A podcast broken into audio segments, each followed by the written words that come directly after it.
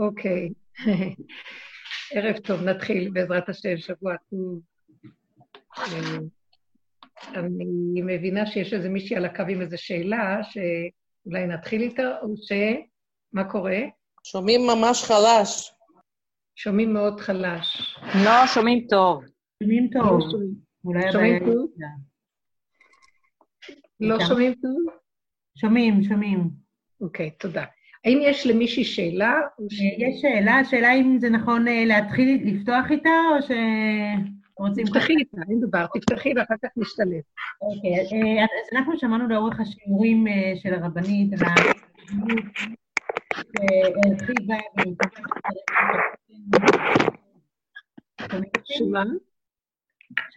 שמענו לאורך השיעורים של הרבנית על החרדיות שהרחיבה במקומות שצריך לצמצם, על תורת עץ הדת, על המשפחתיות המוגזמת, ועכשיו אנחנו כולנו מסתכלים על מה שקורה במגזר שלנו, ועל היחס שזה גורר כלפינו בכל הארץ, ואולי אפילו העולם. ורציתי לשאול מה אנחנו צריכים לקחת מזה. אני פשוט שומעת מהרבה מאוד אנשים שהיחס כלפי כל מי שנראה חרדי הוא ממש יחס כמו שאנחנו זוכרים מההיסטוריה, שכאילו הציבור החרדי אחראי על אחוז ההדבקות הגבוה ועל... וממש לא רוצים לראות אותם באף מקום, וכשהם נכנסים למקומות מסוימים אז אנשים יוצאים החוצה, ונאמרים דברים מאוד מאוד קשים, ואני כבר לא מדברת על מה שקורה בתקשורת סביב הנושא הזה, והייתי שמחה לשמוע מה אנחנו צריכים לקחת מזה. כן.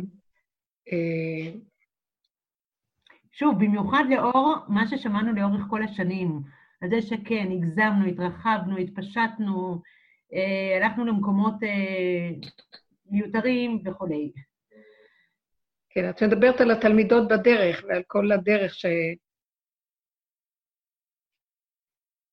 זאת אומרת, את שואלת שאלה ביחס למה שלמדנו, או סתם שאלה כללית? אני שואלת ביחס למה שלמדנו. אוקיי. בעזרת השם יתברך, השם אה, נותן מענה לשון. קודם כל, אה,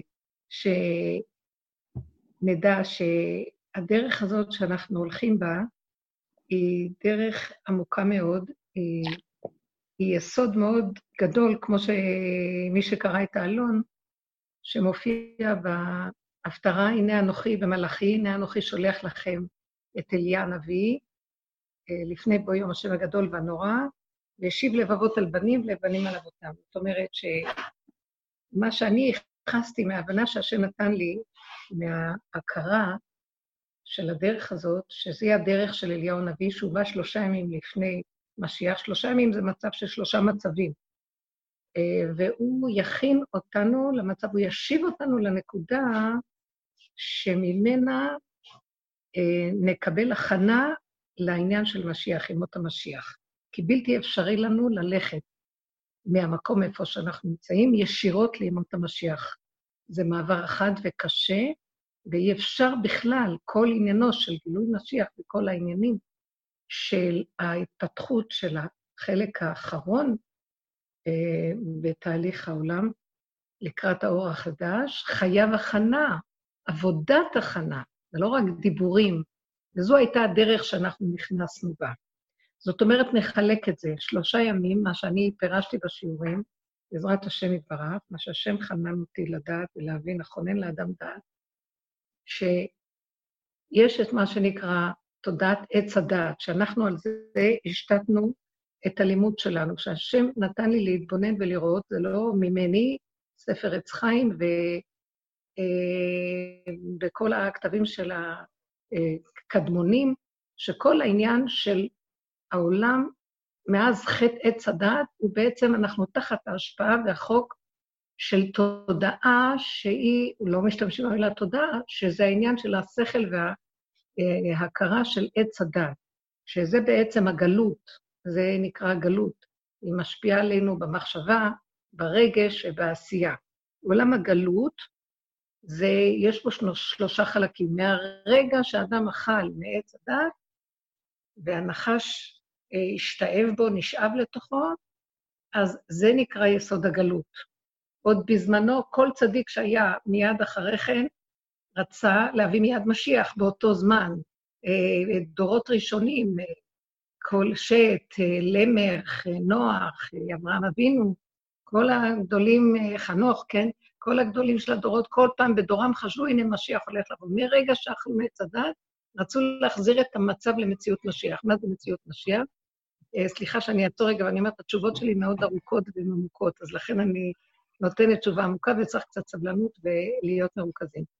מה, מה בעצם לחזור, מה זה מות המשיח? להחזיר את המצב של כדור הארץ, שנפל לתוך התודעה של הנחש, למצב הקדמוני, שהיה האדם הראשון לפני החטא. שאני תיארתי את זה תמיד, ששכינה התהלכה איתם בגן, ולא הייתה לו תודעה עצמית של אני, והיה פועל, ברור היה לו שהוא רק כלי מהשם יתברך, וכל מחשבה שהשם שלח לו, וכל דיבור וכל מעשה, ידע שזה שכינה דרכו, ולא היה לו מציאות עצמית ישותית של כוח, או לעשות דבר אחר ממה שהבורא רצה. אמנם כן, ניתנה בו כוח הבחירה, ניתן כי, כי כל הבריאה נבראה כל ששת ימי בראשית, שזה ספר בראשית שיש לנו, פרשת בראשית, שזה נקרא עולם התיקון. כל זה נברא שתהיה בחירה לאדם. והאדם הראשון נברא עם בחירה. אבל הבחירה שלו הייתה מאוד קטנה, במצב שכמעט ולא היה לו שום ספק, והכל היה פשוט וברור, ובשעה קלה, מה שאנחנו לא יכולים להבין את הזמן הזה, היה מחליט מיד מה הוא צריך לעשות, והיה בוחר תמיד ברצון האלוקי הנכון. אה, אם כן, המצב הזה שנכנסנו בו לגלות, נכנסנו לתודעה. מהי התודעה הזאת? אני אפרט. זו תודעה שיש בה דמיון הישות. אדם חושב שהוא עצמי. ההנחה שבתוכו תודעת עץ הדת, יש בה גנב. גנב זה כוח של ישות שנשאב, שיש לו מציאות דמיונית שהוא משהו בפני עצמו, זה מה שאמר להם הנחש, אם תאכלו מה שאמר לך, ואם תאכלו מעץ הדעת וייתם כאלוקים יודעי טוב ורע. זאת אומרת, כל התוכנית היא כף הדמיון כאלוקים, שיהיה מחולקת תמיד לטוב ורע, כי הבריאה אומנם נבראה בדואליות, אבל הטוב והרע של עץ הדעת הוא דמיון, מה שהוא סבר, שהוא יודע מה זה הטוב הנכון, מה זה הרע הנכון, שהשם הוא אכל מעץ הדעת, והוא יודע, הוא ידע ממנו איך לברוא את העולם, אז זה מציאות שהוא רצה לחקות את השם ולהיות כאלוקים. עכשיו, כל התרבות זה כל הזמן חקיינית, חקיינות. היא דמיון של ישות אני, שמדמה שהוא יודע מה הוא צריך לעשות, הוא כמעט כמו אלוקים, ועל כן הוא יודע שאלוקים הוא גדול, ואלוקים הוא טוב, ואלוקים הוא אה, רוצה כך. כל הדמיון שלו, מה שהוא סבור, מה שהשם, כך הוא מתהלך במחשבה שלו. אבל זה בסך הכל דמיון, כי הכוח של עץ הדת, השכל שלו, אף פעם לא יכול להכיל ולהבין מה זה אלוקות באמת. הוא קטן מכדי להכיל, הוא דמיון. אין הדמיון משיג אותו. אין הבנה של עץ הדת משיגה מהבורא. אין לו אה, הכרה של מה זה. אז הוא מתהלך כל הזמן בדמיון, ותמיד, מאחר ויש לו שתי אפשרויות, אז הוא נמצא תמיד בספק, גם תכונה נוספת שעץ הדת, מרשות היחיד, שאדם תמיד ידע, אדם הראשון, מהו הבורא, ובקל היה לו לזהות ולהכיר את האמת, הוא נפל למציאות של הרבה מחשבות, הרבה הבנות, הרבה השגות, הרבה אה, רגשות, והכול התרבה. המחשבה התרבתה, הרגש התרבה, ומעשה התרבה, כלי המעשה התרבו, והכל נהיה ריבוי, יצא מרשות היחיד לרשות הרבים, ועל כן תמיד הספק הוא זה שמנחה אותו, והבלבול, והאפשרויות הרבות, והמאבק ביניהם, והמלחמה התמידית בין כן ולא וטוב ורע, ומה הם בכלל טוב ורע, מה זה, מי אומר מה זה טוב, מה זה רע. כל חברה סידרה לעצמה מה הטוב שלה, כל חברה סידרה מה הרע שלה, כל אחד סידר לעצמו מה שהוא חושב, כמו שסדום אסור היה להכניס אורחים, כי זה היה רע מאוד, כך לשיטתם. וכן כל החברות האלה, עד שניתנה תורה שהגדירה יותר, יותר נכון מה טוב, מה רע, אז העולם שוב פעם לחזור. אני אומרת, שלושה ימים לפני בוא משיח. זאת אומרת שהוא יבוא לסדר לנו את שלושת המצבים של התודעה של עץ הדת. המצב הראשון, כמובן מדברת על אליהו הנביא, המצב הראשון הוא העולם השלילי, זה תודעת עץ הדת נכנסה לטוב, של טוב ורע נכנסה למציאות של האדם, וככה הוא חי. אז הוא בא, לס... קודם כל העולם היה בשלילה מאוד גדולה, כל אחד סידר לעצמו מה שהוא רוצה, וזה לא, והיה בלבול גדול, והיו קטסטרופות מאוד גדולות בעולם בתקופות האלה. התורה מספרת לנו, בבראשית, שדור אנוש, כולם הלכו בטעות של עבודות זרות, זה טעויות בשכל, ועל כן בא אוקיינוס ושטף אותם, אה, מרוב קלקולים של מחשבות, שיטות, אידיאולוגיות, אה, כל מיני רעיונות וכל מיני, כמו שאומרים, אה, תפיסות מחשבתיות, קומוניזם, פשיזם, לא יודעת מה, איך אומרים את זה, לכן כל מיני דברים. ואחר כך דור המבול, שהוא קלקל ברמות מאוד מאוד קשות בנושא של התאוות והגוף וכל הבלבול של מדרגת הנפש הנמוכה. ואז בא מבול ושטף את העולם, וגם לאחר מכן קלקל דור הפלגה, הם קלקלו ברמה של הרגש, של הכבוד, של הגדלות. נעשה לנו שם ונכבוש את הכדור ונשלוט בו, זה המקום של הרגש, השליטה, הכוח, הכבוד, הממון, כל זה שייך לתאוות הרגש. אז בשלוש, שלוש פעמים הכדור התרסק, פשוט, במצבים האלה, והשלילה הייתה מאוד גדולה, זה היה באלף הראשון והשני של הכדור. הלוא הכדור, תוכנית התיקון היא ששת אלפים שנה, אז באלפיים הראשונות הכדור היה הולך ומתרועע, עד שבאמצע, עד שבאברהם אבינו, ומאברהם עד למשה,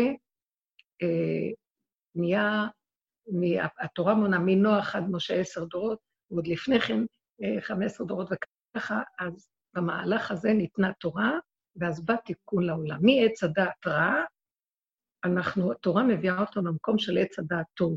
זה המצב השני, שזה קבלת התורה, החוקים, הדינים. כשהשם הוריד לנו את התורה במתן תורה, בלוחות הראשונים, אז הכוונה, תכלית הכוונה של השם יתברך זה לתת לנו באותו מעמד את הלוחות הראשונים, להחזיר אותנו למצב של האדם הראשון בגן עדן, חירות ממלאך המוות, להזיז את המצב הזה של תודעת עץ הדעת מהעולם, וישר מהרע הזה של העולם להביא אותנו, להחזיר אותנו למצב של תורת אמת, תורה שיש בה גילוי השם בגלוי, כמו שהיה בגן עדן, השכינה הייתה בגילוי, בתורה יש גילוי, כמו שאמרו אז במעמד הר סיני, רצוננו לראות את מלכנו.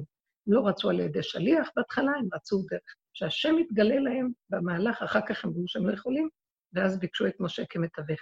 אמנם הרעיון של, ה, של הלוחות הראשונים, או המחשבה הזאת לא החזיקה מעמד, לעוונותינו הרבים, בא חטא העגל על ידי ערב רב, וכן כל מיני מהלכים שהיו שם, ואז נפלנו בחזרה לתודעת עץ הדעת, אבל עכשיו התורה התלבשה, פשוט היא נשבתה, תורת הלוחות הראשון נשבתה בתוך תודעת עץ הדעת, ובמקום להיות בשלילה, אז היא נכנסה לחיוב. זאת אומרת, המלחמה היא עכשיו, סור מרע ועשה טוב.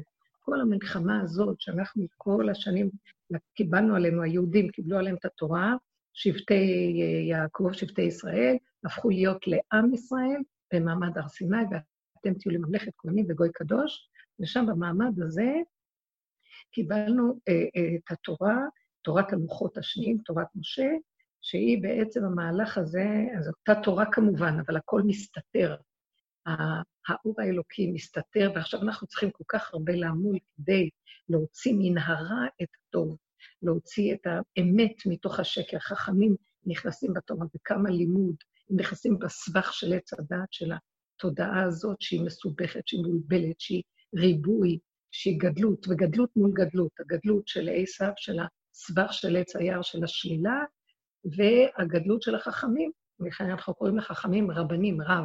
רב בארמית זה גדול. אז הם חייבים להיות שם, והם חייבים לברר, לברר ולדלות ו- ולחלוק זה על זה וזה על זה, עד שהם תופסים את נקודת האמת ומבהירים אה, מה אנחנו באמת צריכים לעשות, אה, הם מבהירים את הדינים, את החוקים, את המשפטים, את ההלכות שיעשה אותם האדם וחי בהם, כי זה בכלל לא ברור.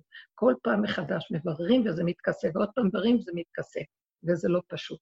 ואם כן, העולם היהודי שקיבל עליו את התורה הוא כבר המהלך מספר שתיים, שהוא כל הזמן עומד מול השלילה של העולם, וכל הזמן נלחם בה ומנסה להתגבר עליה, מנסה להרים את הראש מעל השלילה, מעל הדמיון, מעל הקלקול, וכל הזמן לברר על ידי החכמים, כל הזמן, ותלמידי החכמים, מהי האמת שבתוך המציאות המבולבלת הזאת. אז מה שהצלחנו לקבל, התורה נכנסה לתוך הדעת, היא נקראת תורת דעת. עם הלוחות הראשונים, היו לוחות שהחושים השתתפו בהם, שהם ראו את הקולות. האור הזה שירד, האור הגנוז שירד במתן תורה, ממש נגע בכל הגוף, בכל מציאות האדם, והיפך עמידות, זה נגע במידות, והמידות הם כלי, הם, הם, הם הכלים שדרכם כל הדעת העליונה נכנסת ומגיעה למציאות של מעשה. מבשרי אחזה אלוקה, שהבשר יודע, זאת אומרת שאדם לא יודע מתוך דעתו מה ההלכה, אלא שהוא יודע, ואף אחד לא יכול להתווכח איתו, וכל אחד בשינוי מה, לפי כליו, מקבל מה הוא צריך לעשות, וזו התורה שבעל פה בתוך האדם. אז לזה לא זכינו, ואז כל מה שיש בידינו היום בתורה, היא נחשבת לתורת הדעת, תורת הבריאה, האריזה קורא לה תורת הבריאה, היא לא תורת האצילות, כמו שירד האור האלוקי בהתחלה, בלוחות הראשונים, ומהי האצילות? תורת האצילות זה שתמיד יש אלוקות בתוך המציאות, מלשון אצלו, שהאלוקות זה, זה אור, אה, האור של השם תמיד נמצא בעולם הזה, שנקרא אצילות. תמיד יש גילוי השם. היא המציאות של העולם, של האצילות והשם, הם מאוחדים והם כלולים ומיוחדים ומאוחדים זה בזה, ואף פעם אין הפסק ביניהם. השכינה תמיד גלויה שם. מה שאנחנו חיים זה במצב אחר. אנחנו בשכל, בגלל, בזכות התורה, יודעים שיש השם, ואנחנו יודעים שאנחנו מצווים, ואנחנו מתאמנים על זה, משננים את התורה, ואנחנו עובדים מאוד מאוד קשה כדי להחזיק את עצמנו, לקיים את התורה, אבל אנחנו לא ממש חיים את זה מבשרי. אם יבוא מצב שההתנסות, שיבוא איזה ניסיון, ולא נוכל לעמוד בו, ברור שהמצב של הטבע והשלילה יכול להתגבר על הדעת שלנו. מאוד קשה לאדם לעמוד בזמן שהניסיון, או בזמן שבא לו משהו שמנגד בתוואים ובמידות את דעתו, התוואים והמידות יכולים לנצח את דעתו התורנית. ועל כן אנחנו ראינו ביוסף כמה רוממו אותו החכמים שהוא התגבר על יצרו, שזה יוסף הצדיק עם כל הגדלות שלו, אה, כמה קשה לעמוד בהתנסות ולא לחתור חלילה. זה היה המלחמות שהחכמים עשו בכל הדורות, וגם אלה שקמו ונפלו. זאת אומרת, כל העבודה הייתה להתגבר על הרע מתוך הדעת, תורה, ומתוך ההכרה שמה השם מצווה איתה אותנו, ועם זה אנחנו צריכים ללכת וללמוד הרבה, לדעת, לשנן, על מנת שלא נשכח, ורצון ושוב. היהודים תמיד נמצאים באגודות ובקבוצות, כדי שאחד יחזק את השני, כי אנחנו נמצאים בתוך הגלות של תודעת עץ הדת בעולם, שהחשיבה שלו שונה, שהרצון שלו שונה, התכנים שונים, והנטיות והדגש מושם על דברים אחרים ממה שהתורה רוצה מאיתנו. התורה, אומנם היא בטבע, היא נפלה לתוך מציאות הטבע, אבל היא כל הזמן נותנת לנו כלים לברר מהי האמת היותר גדולה שנלך בה, אשר יעשה אותה האדם וחי בהם. כמו שבפרשת חוקותיים, בחוקותיי תלכו, מצוותיי תשמורו, ואז השם, אה, אז ונתתי גשמכם בעיתם, וכל השפע והברכה, ודי שיציג את זרע ובציר, וכן הלאה, ושכחתם לבטח ומחריד, ולא, וחרב לא תבוא בארציכם, וכן כל ה... זאת אומרת, אנחנו כל הזמן מצווים להתאמץ לשמור. העולם החרדי נמצא במקום הזה. בכל הדורות היו תמיד גדולי תורה ותמיד מנהיגים וצדיקים שניסו להביא את העם שלא יזוזו ויהיו מושפעים ממה שקורה בעולם. והקבוצות האלה, הם נקראו היראים אה, את דבר השם.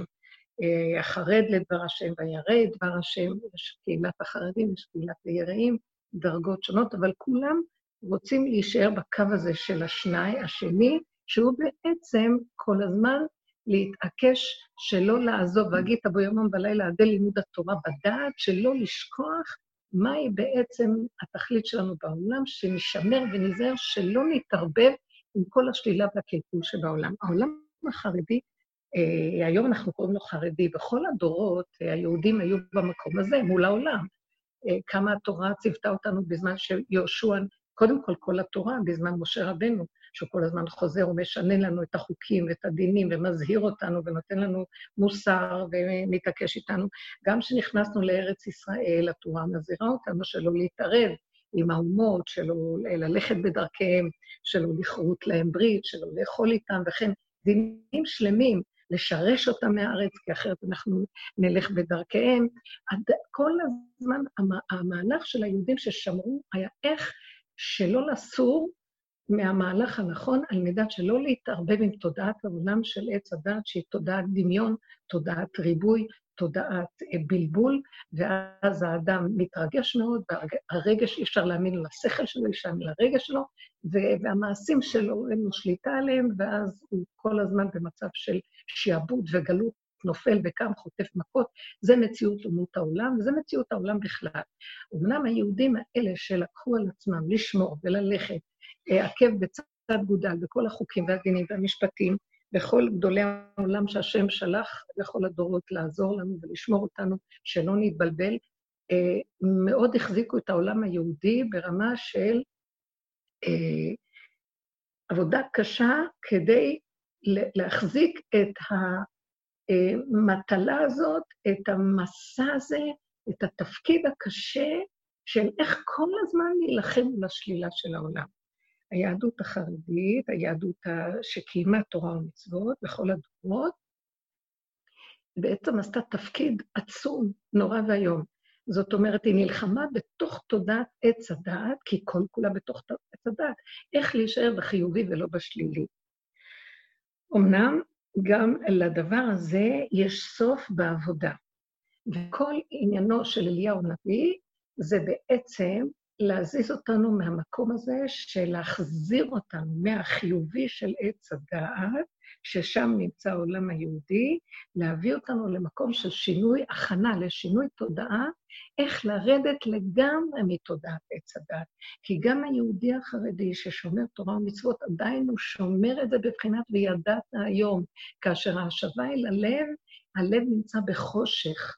אה, הנביא אומר, בפרשת בחוקותיי, עקוב הלב, אנוש, לא, סליחה, אנוש הוא מכל, כן, עקוב הלב, אנוש הוא מכל, מי ידענו. הלב עדיין נמצא בחולי, הלב אטום, הלב סגור, המידות שלנו לא ישרות. עם כל הדעת הגדולה, כמו שאמרנו, ניסיונות שמגיעים על האדם, יכולים להתגבר על הדעת שלו ולהזיז אותו מדעתו והסכנה תמידית. התורה של הדעת, עם כל השינוי ועם כל העמל והיגיעה של הקיום של המצוות, עדיין לא מחלחלת לתוך הבשר ברמה שבאמת, וידעת היום והשבות האלה לבביך, שיהיה נאה דורש ונאה מקיים, וזאת להבנה. וזו הקדמה ארוכה מאוד שאמרתי, שאליהו נביא יבוא להשיב אותנו, לא סור מרע ועשה טוב, מה ש... כל הדורות עשינו, כמו הספר של רבנו יונה, שנקרא שערי תשובה, שכל דבר הוא מראה לנו מה נכון, מה לא נכון, וכן אנחנו יודעים, לפי התורה וכל הספרים הקדושים, כן? אלא הוא יבוא להוריד אותנו מהתשובה של עץ הדת ולשוב להשם, לרדת לגמרי מתודעת האני, ושבת עד השם אלוקיך. זה לא תשובה של סור מרע ועשה טוב, בתוך תודעת עץ הדת שהיא כולה חשוכה, ואין בה הכרה של אלוקות. אין. ברגע שאכלו מעץ הדת הסתתרה השכינה, כי הדמיון מכסה, הנה החושך יכסה ארץ וערפל יונים. לעתיד לבוא עלייך יזרח השם, אבל הכל מלא חושך פה. ואם לא התורה והדעת שלה, לא היינו יכולים רגע אחד להתקיים פה בכלל. אלמלא בריתי יומם ולילה חוקו שמיים וארץ לא שמתי, שכל הגלות הזאת, לימוד התורה וכל קיום המצוות שלה יחזיק את העולם איכשהו, שלא יהיה כאן חושך ויהיה חורבנות כמו שהיה בדורות הראשונים, באלפיים השנה הראשונות. אבל אליהו הנביא יבוא ויגיד, רגע, חבר'ה, תבינו, גם זה שאנחנו שומרים את התורה ומצוות, הוא אליהו להגיד פה, הוא איש אמת. הוא איש האמת אזור אמת עזור למותניו. אנחנו זה מוצא שבת תמיד שרים שיר של אליהו הנביא, ומספרים עליו. אה, איש יצא למצוא לנפשו נחת, איש קלקלו אהובים ולא מת לשחת, איש למענו נדברכו כד וצפחת, אה, כן וכן כל הזמן מספרים, מתארים עליו שהוא היה איש שהיה קנוי להשם, קנאי מאוד מאוד, ולא היה מוכן להתפשר על השקר של העולם. ואז מסופר עליו בהר הכרמל, בהפטרה של השבת הקודמת, כמדומני, שבהר הכרמל הוא אסף את כל נביאי הבעל ועמד מולם ועשה שם אה, קידוש השם מאוד גדול, ואמר, בואו נראה עכשיו מי זה השם. אם אתם הולכים, עד מתי תפסחו על שתי הסעיפים? הוא קרא לכלל ישראל ואמר להם, תתכנסו ותעשו חשבון נפש. זה היה הזמן שעבדו עבודת אלילים מאוד גדולה. דרך אגב, הרבה בתקופות האלה, שבזמן השופטים, ובזמן שמואל, ובזמן אה, אה, בזמן המלכים, אה, כן, בספר שמואל, לא בזמן שמואל, בספר שמואל, אז ראינו שהיו, האנשים הלכו בדרכים, הלכו לאיבוד וטעו בעיבוד של עבודות זרות שונות. רק בתקופתו של ירובעם בן נבט, זה היה דבר נורא, שהוא הקים, הפסיקו ללכת לבית המקדש כמעט, והוא הקים, אה, הוא פתח, לקח עגלים ואמר, והלך באזור דן, והסית את כל העם אה, שילכו ויעבדו עבודה זרה, שהוא היה תלמיד חכם גדול, אה, ירבן בן נבט אמרו שהוא היה בדרגתו כמעט של משה רבנו. והוא הזיז את כל העם, ואז עבדו עבודה מאוד גדולה, זרה מאוד גדולה, ותמיד העם היה בסכנה של טעות מאוד גדולה, עד שהקדוש ברוך הוא הגלה אותנו, השם ישמעו, קודם כל הייתה גלות בית ראשון, ואחר כך גלות בית שני, עשרת השבטים הוגלו בידי סנחריב עוד לפני גלות בית שני, רוב העם היה בגלות, ואחר כך גם אה, שבט יהודה ובנימין גלו, וכל אלה שנשארו עוד בארץ, עם גלות מוחלטת לאומות העולם. נשארנו במצב בעצם שכל הזמן, מתוך המצב הזה של הגלות, אנחנו רק עובדים עם מדד ונשארים בקטנות והתמעטות, בחושך בתוך האומות, ומשתדלים להחזיק את הסור מרע ועשה טוב. יבוא אליהו הנביא לקראת סוף התוכנית, שלושה ימים לפני בו יום השם הגדול והנורא, זאת אומרת לפני, הגילוי של התחלת ירידת האור הגנוז, יבוא אליהו הנביא וילמד אותנו דרך איך להתחיל להתכנס מתודעת עץ הדעת טוב לתודעת, אה, לירידה לגמרי מתודעת עץ הדעת. כלומר, כל הדורות אנחנו עדיין בתודעת עץ הדעת, עדיין יש לנו ישות, עדיין לנו יש לו גדלות, עדיין יש לנו, אנחנו מקיימים תורה, אבל יש לנו תחושה שאנחנו חשובים וזה חשוב, במשך הגלות היינו צריכים להיות ברמה כזאת, כי ויגבה ליבו בדרכי השם, מה יכולנו לעשות מול האומות ומול כל השקר שמסביב? אדם צריך להחזיק מעצמו משהו, אחרת הוא ילך לאיבוד, הוא יחלש, יחלש דעתו על מה שקורה. אבל זה לא אמיתי, זה לא באמת, לא, אנחנו לא חיים באמת, העולם החרדי לא חי באמת, כולנו, אנחנו כולנו, גם היהודים, גם סתם היהודים הכלליים וגם אומות העולם, הכל בשקר, כי כולו תחת תודעת עץ הדת. אומנם היותר טוב והיותר מעולה מכל האנושות, זה כמובן היהודים שבתודעת עץ הדת, בגלל שהם יותר מבוררים, וכן, התורה אה, משמרת אותם ונותנת להם כללים שלא ללכת בשקר. יש דינים מאוד חשובים ששומרים גם על המידות וגם על הכול, אבל באמת, באמת, בדרגה שאליהו הנביא דורש, כמו שהוא אמר לנביאי הבעל, עד מתי אתם פוסחים על שתי הסעיפים? לכל העם הוא אמר, אם השם הוא האלוהים, לכו אחריו, ואם הבעל הוא האלוהים, והשם הוא האלוקים, לכו אחריו, אם הבעל הוא האלוהים, לכו אחריו. אתם חייבים להחליט, אתם לא יכולים יותר לפסוח על שתי הסעיפים. מה שקורה לקראת הסוף, או מה שקרה לקראת הסוף של המהלכים, זה שתודעת עץ הדת חייבת להיפסק מן העולם, מרוב שהיא הלכה בחיובי היא נכנסה לתוך קליפת החיובי הכללית ונגנבת, והיא לא שמה אפילו לב. הגדלות נגנבה. אנשים שהולכים בתוך התורה נגנבו לתוך גם כן רצון לכבוד, רצון לגדלות, ללכת בדרכי אומות העולם, היופי והלבוש והחומרים והצורה שלה, שבה אנחנו מקיימים את הכול. אמנם יש בזה משהו שתמיד, זה לעומת זה עשה השם.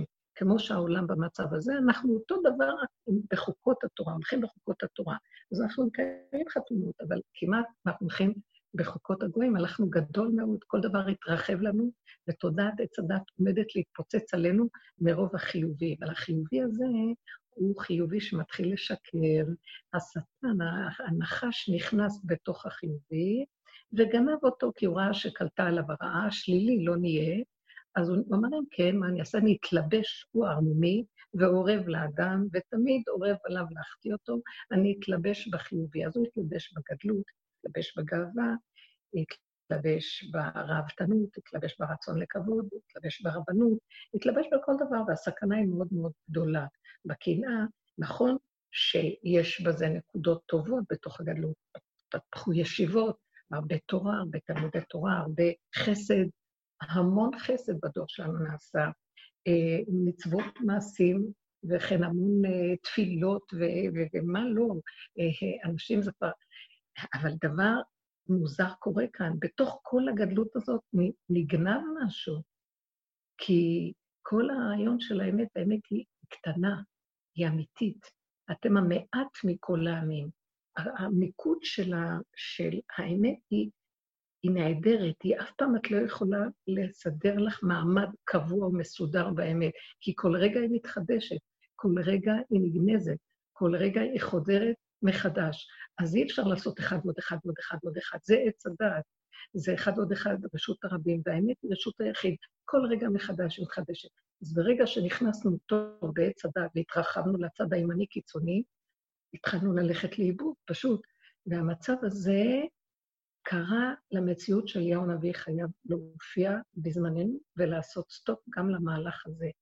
יותר מדי חשיבות, יותר מדי גדלות, יותר מדי כיתות בעם ישראל, כל אחד חושב שהוא יותר טוב מהשני, יותר צדיק מהשני, מדקדקים יותר מדי, יותר מדי מוסיפים חומרות על חומרות, יותר מדי, הכל התרחב ונהיה גדול מדי, יותר מדי, עד שרבים חללים הפילה, הרבה ילדים שלמדו בישיבות, מה, לא יכלו להכיל את הריבוי הזה, שגם התלבש בגדלות, של מנהלים וכל מיני uh, הנהגות של רבנים בתוך הישיבות, ש, שילדים פשוט יצאו משם uh, נגועים, כאובים, שבורים, כי uh, לא, בחוש ילד רואה שאין כאן אמת, נעדרת האמת. יש הרבה תורה, יש הרבה מעשים, יש הרבה חסדים, החסדים נגועים גם, הרבה אגודות חסד, אבל הרבה דברים לא פשוטים קורים בתוך האגודות.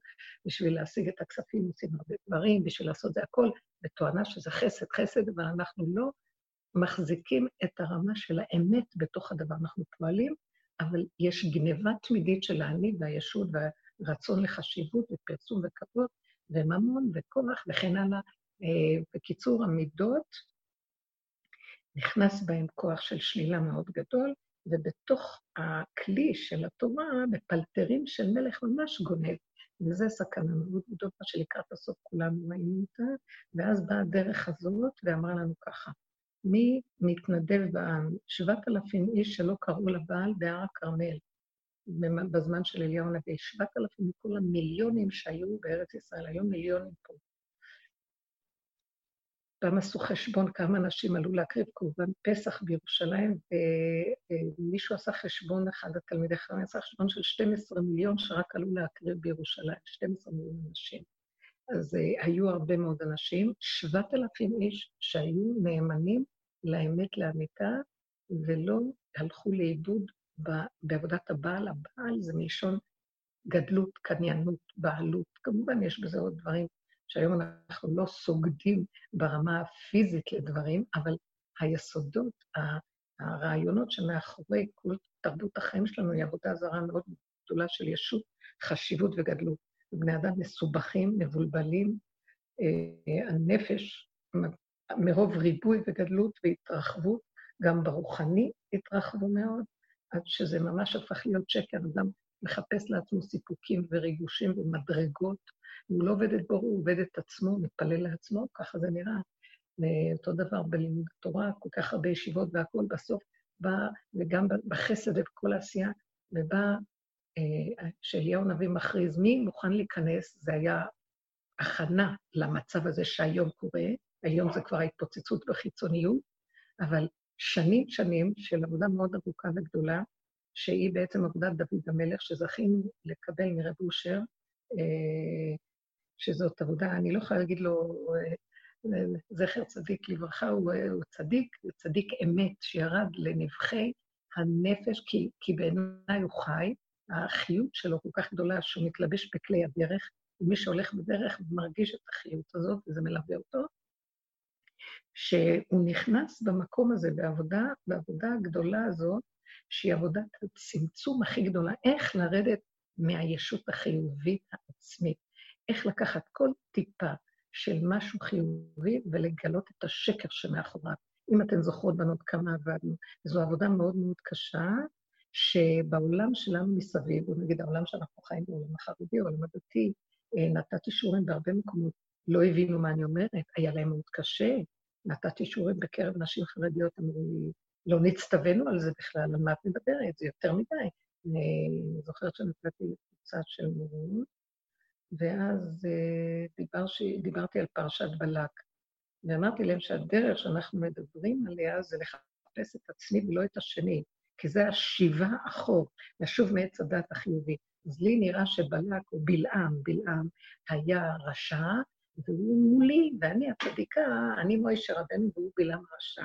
ואז אמרתי להם, אבל בתוך האמת, האמת, הרי חיפשתי איפה הבלעם בתוך עצמי. היה להם מאוד זעזוע גדול לשמוע את זה. ואז אה, ראיתי, וכן כל מיני דברים ששאלתי ואמרתי, למשל, שמישהי אמרה, אבל זה לא נכון, אני, יש לי אמונה מאוד גדולה, יש לי אמונה שהשם ישמור עלינו בחוליתות וצוקה, ומהגרעין האיראני, וכן כל מיני אה, דיבורים שהיא אמרה.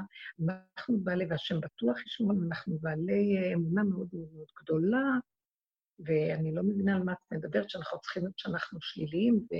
ולשלול את החיובי שלנו, אה, לא נצטווינו על זה.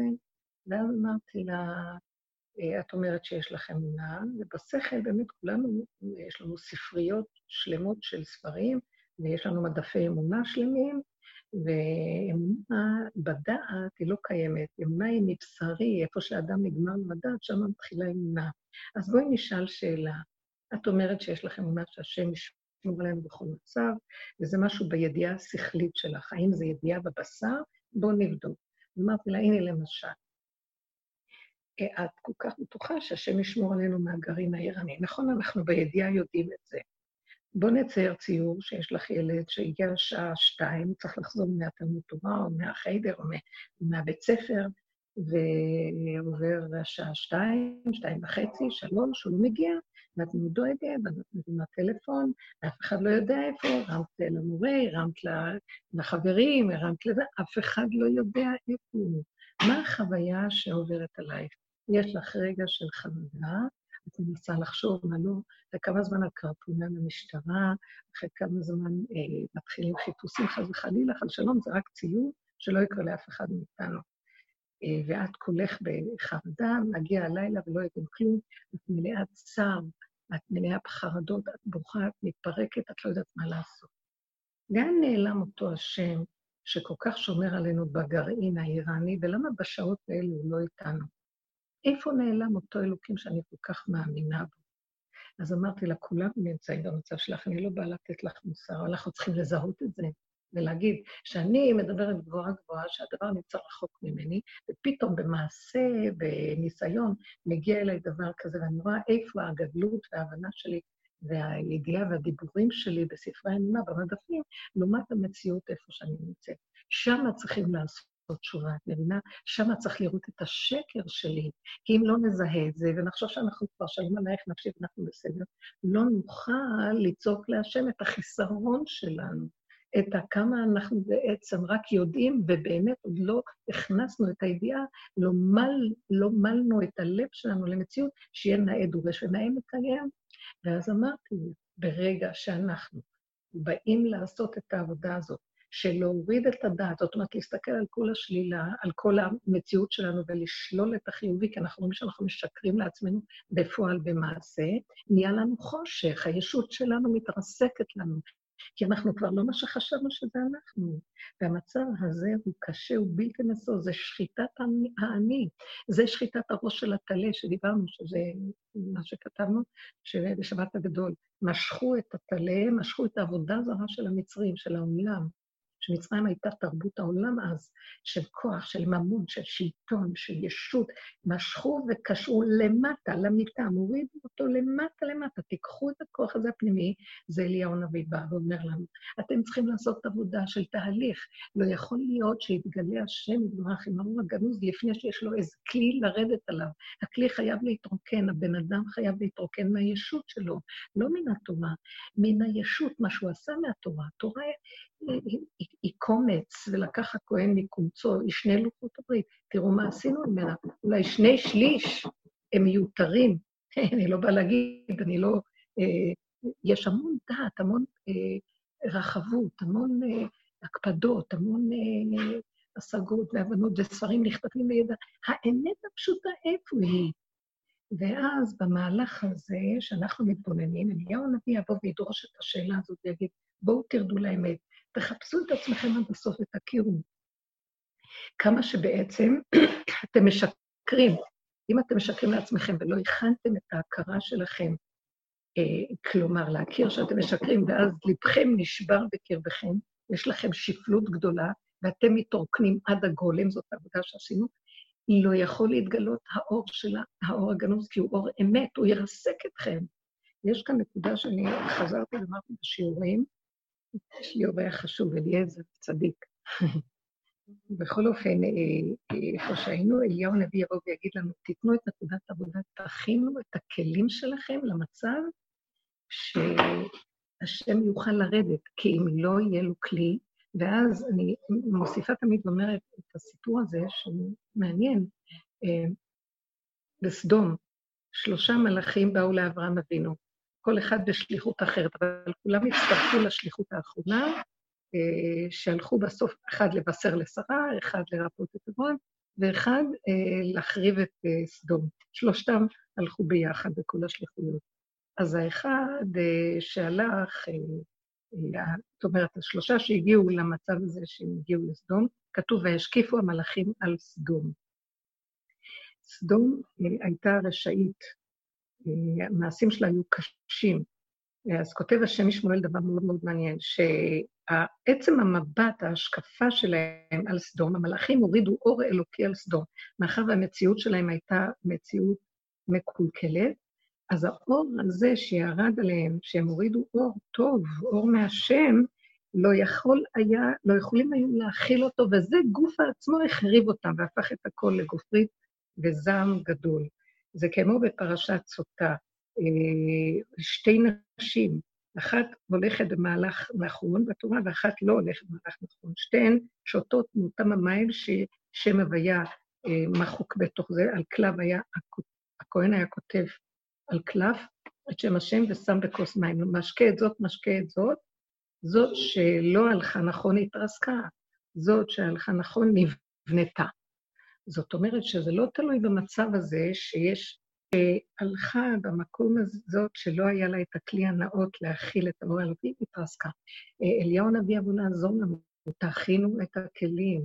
התודעה של האני והגדלות תרסק אתכם. תשבור אתכם. עכשיו, תודעת היהדות בגלות היא תודעת גדלות. היא הייתה חייבת להיות גדלות מול הגדלות של עשיו וגדלות של יעקב. יעקב הקטן אמנם, אבל בגלות הוא התלבש בגדלות. ויגבה ליבו בדרכי השם, כי אי אפשר היה לעמוד מול המהלך הזה בתודעת עץ רק דומה בדומה מתקן, גדול מול גדול. אמנם, כדי שיתגלה האור הגנוז, זה אור אחר לגמרי, זה לא אור שהכדור הזה יכול להבין אותו ולהכיל אותו, חייב שהתודעה של הכדור, תודעה, הכדור בסדר גמור, הכדור הזה זה גן עדן אחד גדול, אבל התודעה שלו היא מסוכנת, תודעת עץ הדת היא תודעה של גנב, של ישות, של כוחנות, היא גונבת בשכל, היא גונבת ברגש. כולנו עשינו כל כך הרבה תרגילים, ואנחנו יודעים שזה מה שכל הזמן קורה. והכרנו את זה בתוך עצמנו, ונכנסנו למצב שעבדנו עם אתם, כל הבנות איתנו, בסיפורים הקטנים של החיים, אם זה מהילדים, אם זה מהחיים שלנו עם הבעל, אם זה כל... בן אדם מחבר בכל דבר, אם זה... זה לא חשוב. מעניין שאנשים, זו עבודת הנוקבה, זו עבודת דוד המלך, אנשים יכולות להביא את הדרך הזאת והם נכנסו בה. כי מי זה אדם שיהיה מוכן לוותר על הדעת שלו ולהיכנס לתוך החושך הזה? זה מה שאליהו מביא דורש. אה, אלו בני אדם שהם ערומים בדעת ומסירים עצמם כבהמה.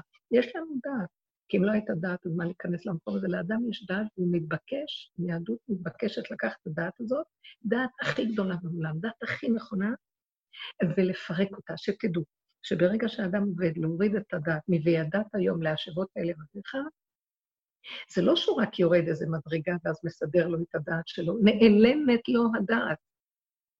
הוא חייב להיכנס לחושך, הוא חייב להיכנס למצב שאין לו דעת, אין לו הבנה, אין לו השגה. הכל מתבלבל ומתערבב לו. והמציאות הזאת, צריך כוח חזק בתוך הנפש להכיל אותה. הכנעה, התבטלות, הסכמה, השלמה, הכרה של איך שזה ככה, זה הכי נכון, ועל זה עבדנו דרגות אחר דרגות. זאת עבודת אליהו נבו. הוא היה איש אמת, הוא צמצם צמצום אחר צמצום את עצמו, והיה מוכן לעמוד בהכרה הכי גדולה של החושך, ולא להתבלבל מזה גם. כי ליהודי יש כוח פנימי מאוד מאוד גדול שיכול להכיל את החושך הזה וגם לא להתבלבל. זו הדרגה שיש ליהודי, שהיהודי הוא בא משורשו הייתה, קודשא בריחו, ישראל חד. זאת אומרת, אנחנו באחדות תמיד עם מציאות השם. תודעת עץ הדת חתכה את האחדות הזאת. עכשיו, מה שקורה ביהדות החרדית, מה שאני... אני אחזור לשאלה, כי אני מתרחבת תמיד וחוזרת, בעזרת השם, שמרחים שאני אזכור מה הייתה הנקודה, כי אין לי זיכרון גם. הכל בידיו. אז מה שקורה בעולם שלנו, שאנחנו מסרבים לעזוב את הגדלות. זה מאוד קשה לאדם שיש לו כל כך הרבה דעת לעזוב את הגדלות. ערומים בדעת, מבחינת השכל הנבדל, כמעט כמו מלאכים מרוב דעת. כמה דעת יש בעולם החרדי? דעת של, של ישרות, דעת של אמת, דעת של צודק, אבל תמיד זה מציאות של תחושת אני, אבל לי יש דעת, אני צודק, אני חשוב, בגלל שבקוד היהודי היה תמיד חייב להיות מול היצר הרע תחושת אני חזק. אתה אני אה, קרימינל ואני, אני צדיק. אז זה מוצדק ונכון. אמנם בשביל גילוי, יסוד האור ויסוד האמת חייב לרדת הדבר הזה. עכשיו, אז אנחנו בפחד. אם אני מול, מול השלילה של העולם אגיד שאני כלום, אני אלך לאיבוד, הם ישתלטו עליי ואני אהיה רע. כאן באה העבודה של אליהו הנביא ועוזרת לנו. זאת עבודה בנפש, זו עבודה שאתה יורד בתוך נפשך, אתה חייב להתבדל מן העולם, אתה כבר מתחיל להתקטן, הקשרים שלך עם העולם אינם אותם קשרים, היחסים שלך עם אנשים זה לא אותם יחסים, גם עם בני הבית אתה מתמעט פנימה ועושה עבודה מאוד מאוד מאוד פנימית, רק בדרגת הנפש אתה נכנס לתוך היסוד של הביטול הזה, כאשר בחוץ זה נראה כאילו אתה משחק עם העולם. זו שעה מאוד קשה למציאות האדם לעבוד עם זה.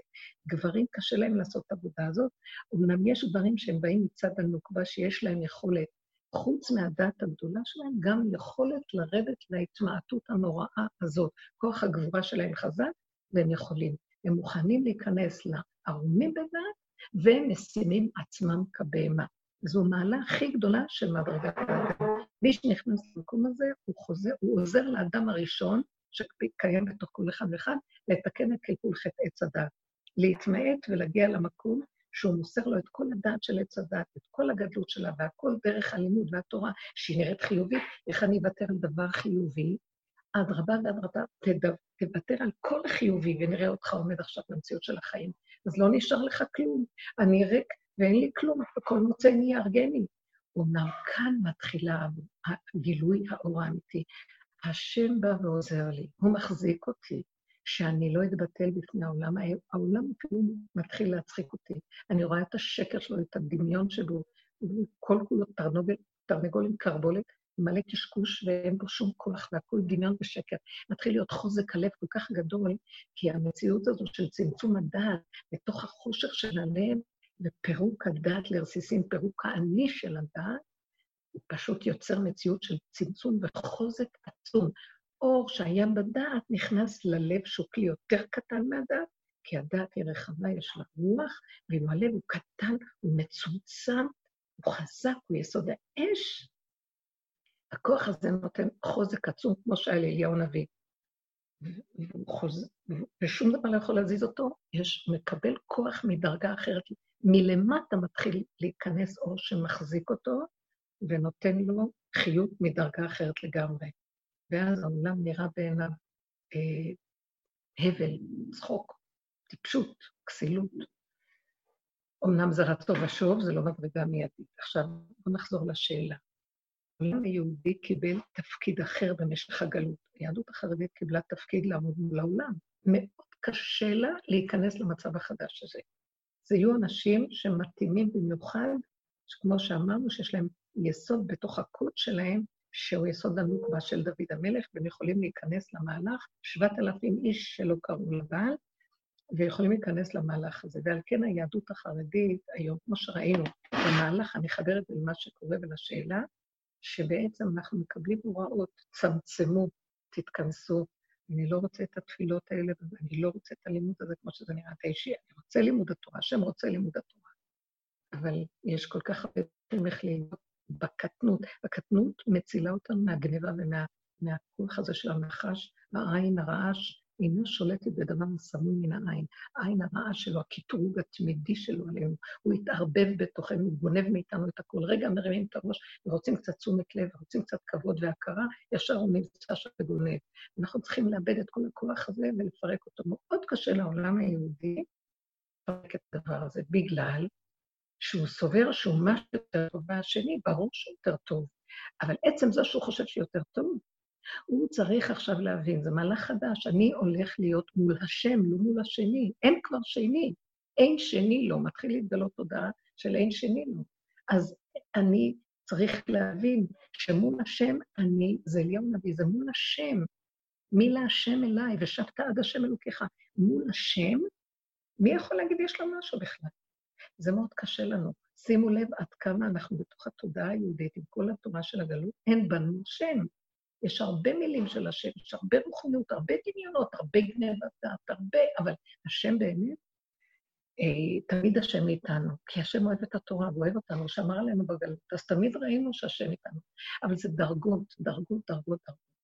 השם של הגילוי, של האור הגנוז, לא נמצא שם, הוא לא יכול להתגלות. השם של המהלך, של האריך אנפיק, זה מהלך של י"ג מידות הרחמים, שהוא ברמה אחרת לגמרי, ששם זה השתוות הצורה, ששם זה לא על ידי מעשה בני אדם, הזכות והחובה, שם זה האור של הברית שהשם קראת איתנו. למה ככה? כי אנחנו יהודים.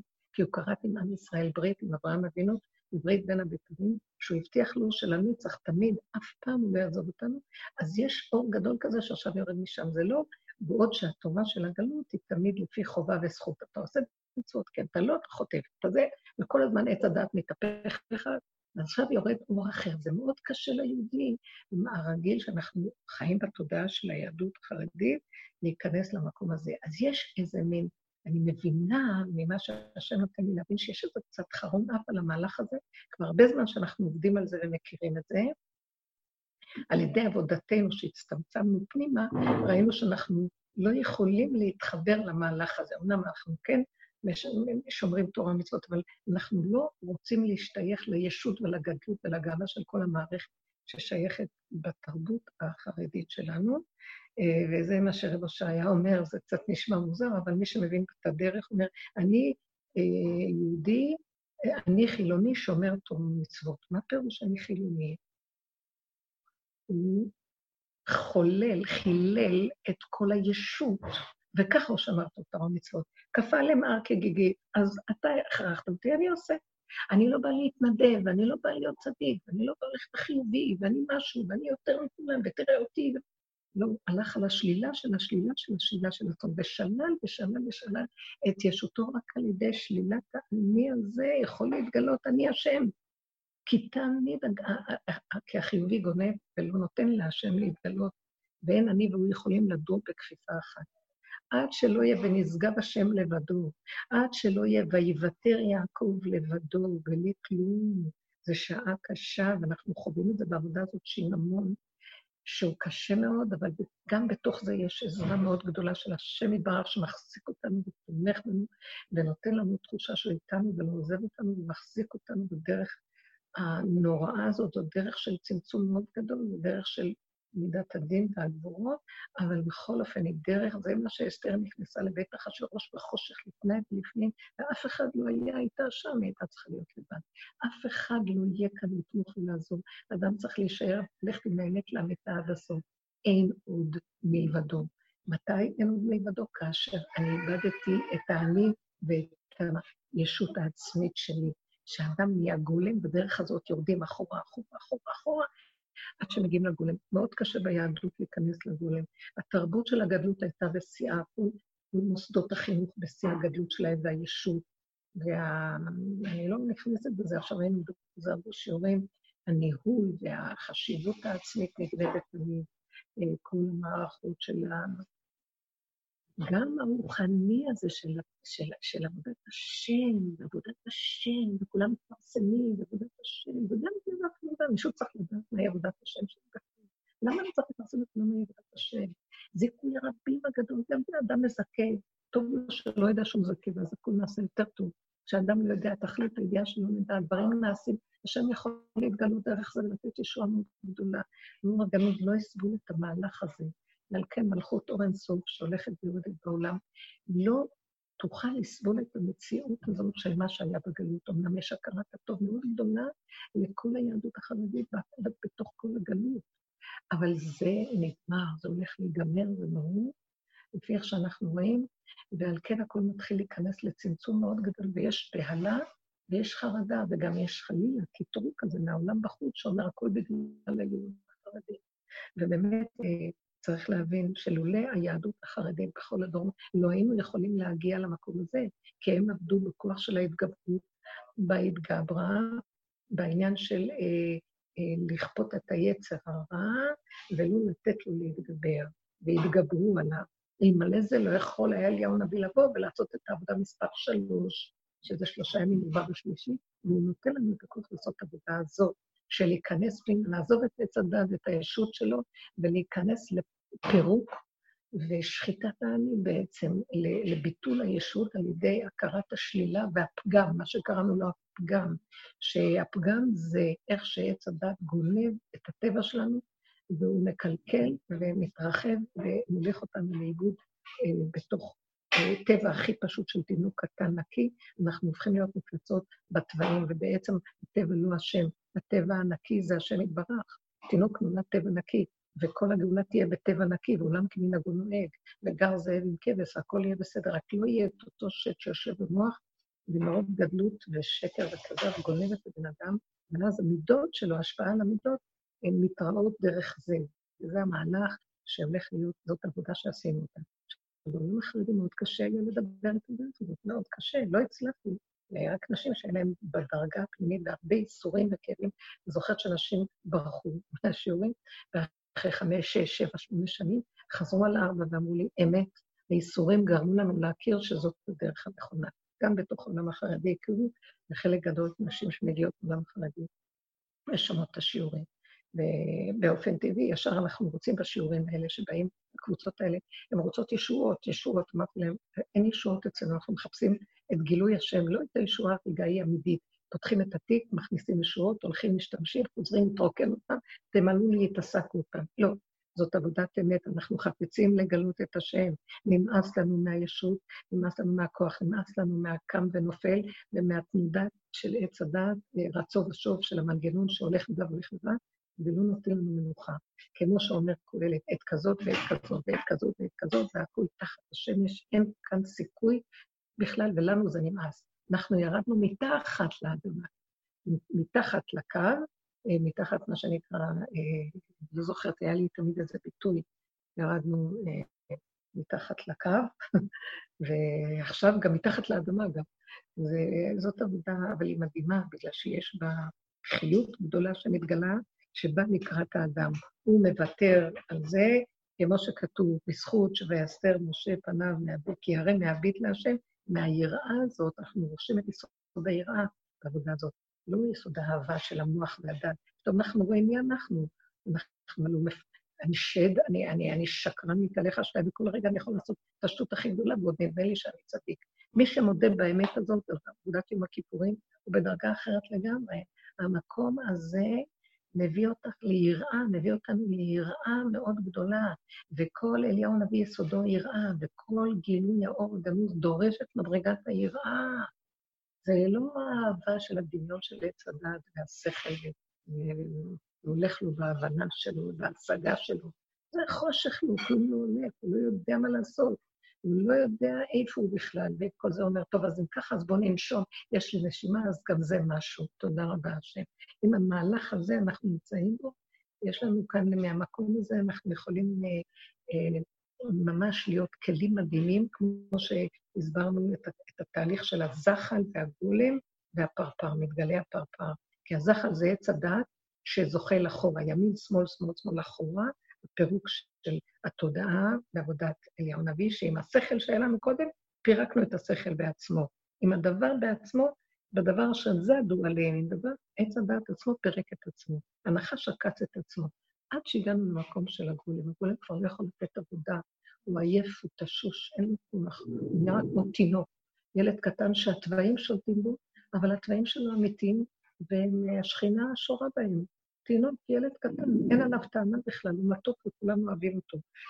אה, והמהלך הזה מביא אחר כך לגילוי של הפרפר, שזה עכשיו מה שקורה היום, הגילוי, מהלך של הגילוי של אור אינסוף, מתחילה לקום שכינה בעולם, והכלים, אנחנו צריכים את הכלים המתאימים. ונחזור שוב ונגיד שמה שאני מזהה שבעולם שלנו לא מבינים את הקוד הזה. אה, אנחנו עכשיו נדרשים, פירקו לנו את הכול, להתפלל בבתים, ישיבות סגורות, ללמוד תורה ביחיד, להתפלל ביחיד, אה, גם כל המנהגים וכל מה שאנחנו רגילים, איזה רחבות הייתה לנו בכל מנהגי אה, הפסח ובכל חג וחג, הכל מתחיל להצטמצם ולעשות את מה שאפשר במינימום האפשרי, כי אי אפשר, הרבה חנויות סגורות, את לא יכולה לקנות את כל מה שאת רוצה, לעשות כל מה שאת רוצה, הכל הופך להיות uh, פשוט. אפילו עד כדי כך שהבן אדם נשאר בעצמו עם המינימום המשפחתי איתו, ואין לו מהלך של uh, מה שהיה קודם, זה פירוק היהדות, מה שמוכר לנו, זה התפרקות. גם החולי הזה שעכשיו נוגע בהרבה אנשים סליחה? גם שהחולי בעצמו נוגע בשכבות גדולות של העולם היהודי, וזה צער נוראי. זה כאילו השם קורא ואומר, המהלך הזה נגמר. אני קורא, אני קורא למהלך הזה לגמור את תפקידו. אנחנו הולכים עכשיו לקראת תפקיד חדש, גילוי חדש. בעצם הכל לטובה, וכדאי לנו להסתכל על זה בטוב, ולהבין שהשם רחמן עלינו, ויש שכר לפעולת הגלות שאי אפשר לתאר את גודל ההערכה והשכר שיש, ועדיין יש לנו הערכה גדולה לחכמים, לתלמידי חכמים. אנחנו רק רוצים להביא את הכל למקום של דיוק באמת, דיוק וניקיון וניפוי אה, של כל המהלך הזה לדרגות יותר אמיתיות. באמת, אתם רואים שהשם מצמצם אותנו וקורא לנו אה, להגיע להתמעטות ולקטנות, כי נגמרת שיטת הגדלות. אני מקווה שעניתי לך לשאלה. אה, אם יש משהו להוסיף כאן, ושנדע כשיורד, אתם איתי, אתם שומעים? תודה רבה על התשובה. אה, בוא נאמר, הייתה מאוד מחוברת לשיעורים ששמעתי. כן, בדיוק, בדיוק. אני רק רוצה לומר שבבקשה, אנחנו צריכים מאוד מאוד להיזהר, לא לקטרג, לא לקטרג על שום חבורה של יהודים, כאלה או כאלה או כאלה. אנחנו צריכים מאוד מאוד להיזהר, לא לחשוב מה שאחרים אומרים או לא אומרים, כי ככה זה העולם, העולם תמיד יגיד.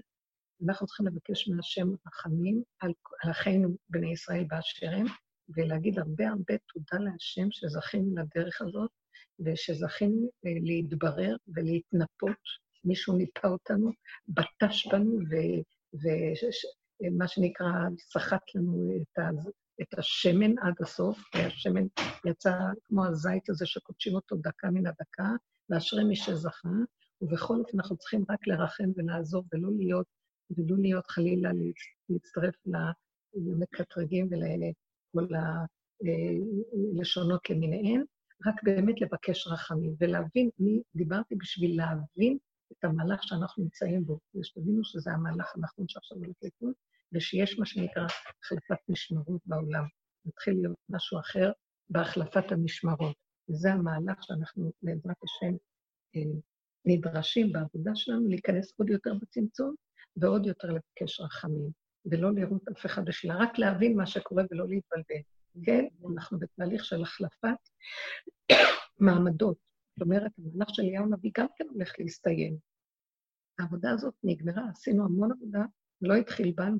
רבו שר והתלמידים שלו 60 שנה קודם, ואחר כך באנו אנו ב-20 שנה האחרונות, ועובדים ועובדים, יותר מ-20 שנה, ואחר כך uh, המהלך הזה מגיע עכשיו לקצהו, ומתחיל לרדת אור חדש. יגיעו ימים אשר אין בהם חפץ, יהיה זמנים שלא יוכלו לעשות את העבודה הזאת.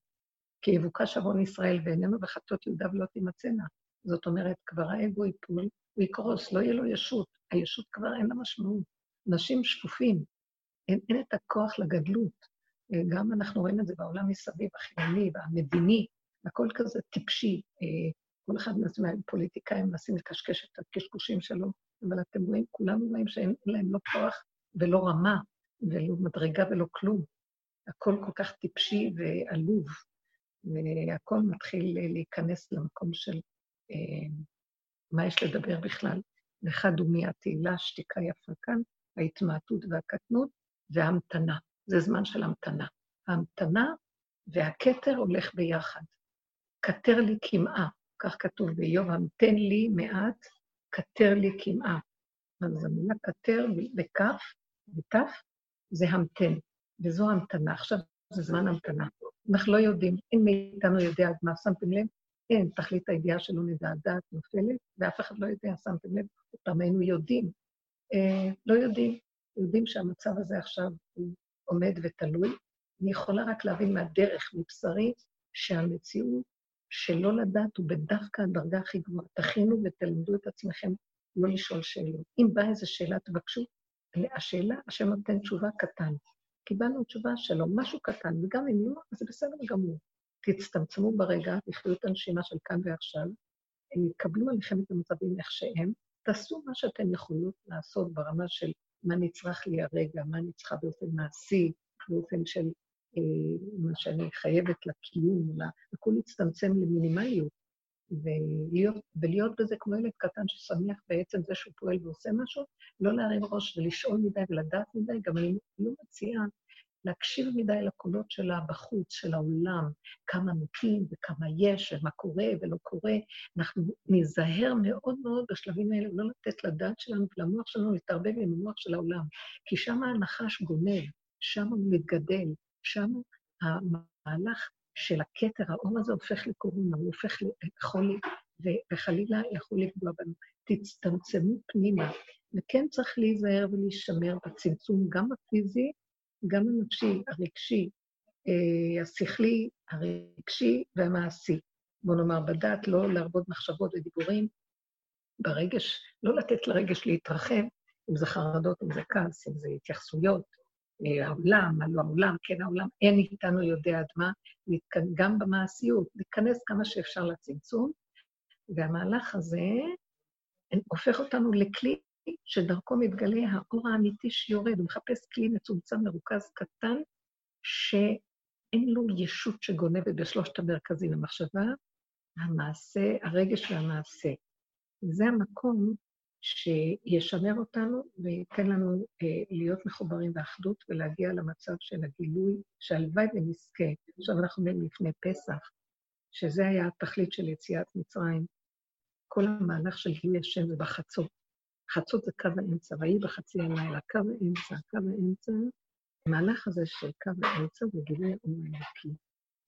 ויהי בחצי הלילה, כך כתוב, רוב הניסים והנפלאות שנעשו בהגדת פסח אנחנו אומרים, יש פיוט כזה, אז רוב ניסים הפלאת בלילה, בראש השמורות זה הלילה, אז יש לנו הרבה, גם מאברהם אבינו שהוא אה, נלחם עם המלכים באמצע הלילה, מלך גרר שהשם, אבימלך, שהופיע אליו בחלום הלילה והגדיל אותו שלא אה, יעשה מה שהוא רק רוצה.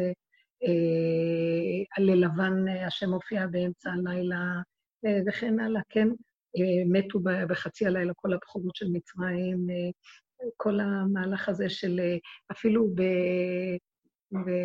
בסיסרא וזה, שהשם נלחם להם עם מסילות השמיים בלילה, וכן כל מיני המצבים שאנחנו כאן בפיוט הזה מאוד יפה, גם שגם גם מה שקרה עם אחשוורוש בחצי הלילה שלא יכול היה לישון וכתב ספרים וכן הלילה, וכך אה, פורה תדרוך לשומר מה מלילה, שהקדוש ברוך הוא גם עכשיו מתגלה, והוא שומר עלינו ורוצה להתגלות עלינו, ומחפש את המקום הזה שקרב יום, אשר הוא לא יום ולא לילה. זה החצות. זה לא יום ולא לילה, זו נקודת דקה שרק אצלם, אצל השם היא ידועה. שמשה רבנו במצרים כתוב, ויהי כחצות, ויהי, והשם מתגלה בחצות הלילה ממש. משה היה יכול לדייק כאדם כחצות, ושם בחצות זה גילוי השם. זה רק נקודה שידועה רק לו. קרב יום אשר הוא לא יום ולא לילה, והיא רק ידועה לו יתברך. מהו היום הזה? יום הכוונה קרב מצב. אצלי תמיד המילה יום מתחברת למצב. אה, יש מצב כזה שהולך להתגלות, אנחנו לא יודעים מהו יום, מהו לילה, מה נכון, מה לא נכון, מה כן, מה לא, מה טוב, מה רע, מה כלום, כלום. לא להתרחב, להיכנס בנקודה, מה אכפת לנו? יש לנו נקודה שאנחנו צריכים לעשות, יש לנו מה לעשות הרגע, הרגע, בתוך כל זה, לפתוח את הפה ולבקש רחמים על עם ישראל, לבקש רחמים על עצמנו ועל בני ביתנו, שהשם ישמור עלינו ושלא נדע צער, ושנהיה מכונסים ושמורים אצלו, וכמו שהמלאך המשחית עבר, אה, והבתים היו מסומנים, וכאלה שהולכים בדרך בכל עם ישראל, שאנחנו נלמד עליהם זכות ונחבר אותם לעצמנו ונגיד, שמור על עמך ישראל, ריבונו של עולם, כל עם ישראל טרח ועבד. יהודים עבדו עבודה מאוד מאוד קשה בכל הדורות. גם אם לא נכנסו לדרך הזאת, אז קבוצות שנכנסו יזרקו את אלה שלא, כי כולם עשו עבודות. אלו עשו עבודות כאלה, אלו עשו עבודות כאלה.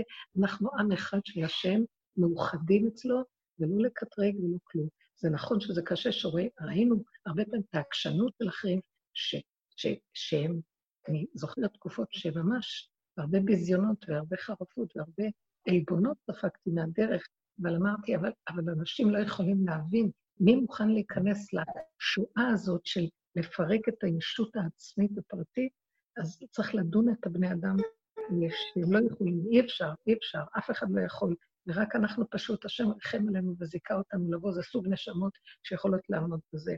כמו שאישה עומדת לפני לידה, מי יכול לעשות את זה?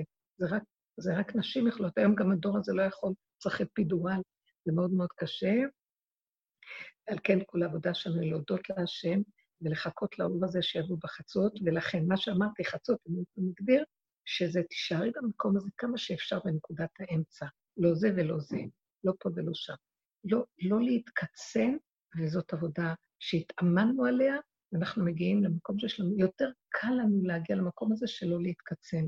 ואני ממש מאחלת לכולנו שאני מודה להשם, מודה לו, אני מודה מודה, אני מודה, אין לי, ואילו פינו מלא שרק קיים.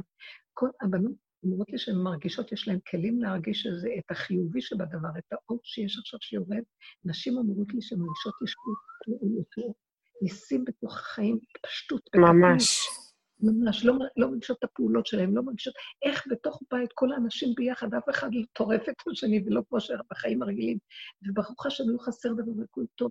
אני, יש לי הכרת הטוב להשם, ולהודות לו, ואיך אמר דוד המלך, טוב לי כי הונאתי למען אלמד חוקיך, אני מודה לך על כל מה שהעברת אותי, כי זו לא הייתה דרך פשוטה, זה ממש שחיטת הראש של הטלה, וזה קורבן הפסח הזה, ואנחנו, הפה שלנו סך שירה להשם בסוף. וזה טוב לי כי הונאתי, ואשרי מי שזכה שהוא התקרב קורבן למהלך הזה, כי דרכו הוא הכין פתח ונתיב חדש לאור של הגאולה, וכולנו ביחד, בלא, שלא יהיה, כולם ביחד. גם אלה שנראה לנו שהולכים עכשיו מהקורונה וכל זה, אבל הם כולם אצל השם שמורים, וכולנו ביחד יתגלה עלינו אור חדש לגאולה בעזרת השם כבר עכשיו. על כן ניקח עוד נקודה חזקה שתוך הצמצום, ורק הפה פתוח ולהודות לו ולבקש. אני מודה לתלמידות היקרות והרבות, לחברות, אני מכל מלמדיי השכלתי, מתלמידה יותר מכולן. אני אומרת לכם, אני, יש לי הכנעה, אני בדרך פגשתי כל כך הרבה חברות מדהימות, שכיניתי בהן איזה השגות ואיזה יכולות בעבודה, מה שלי, אני הרגשתי שאין לי, שזה פשוט, אני רק שליחה פה לדבר, אבל ראיתי מעלות מדהימות, אני מעריצה, אוהבת, מחבקת, וכולנו ביחד בחיזוק אחד גדול, אה, להרים את להרים את הפה שלנו להשם. זה עכשיו פסח, הפה שסח להשם ומודה לו. תודה רבה לכם, שבוע טוב, חיים טובים, בעזרת השם נקיים עוד שיעור לפני פסח אם תרצנה. תודה רבה. תודה רבה, נית, שבוע מבורך.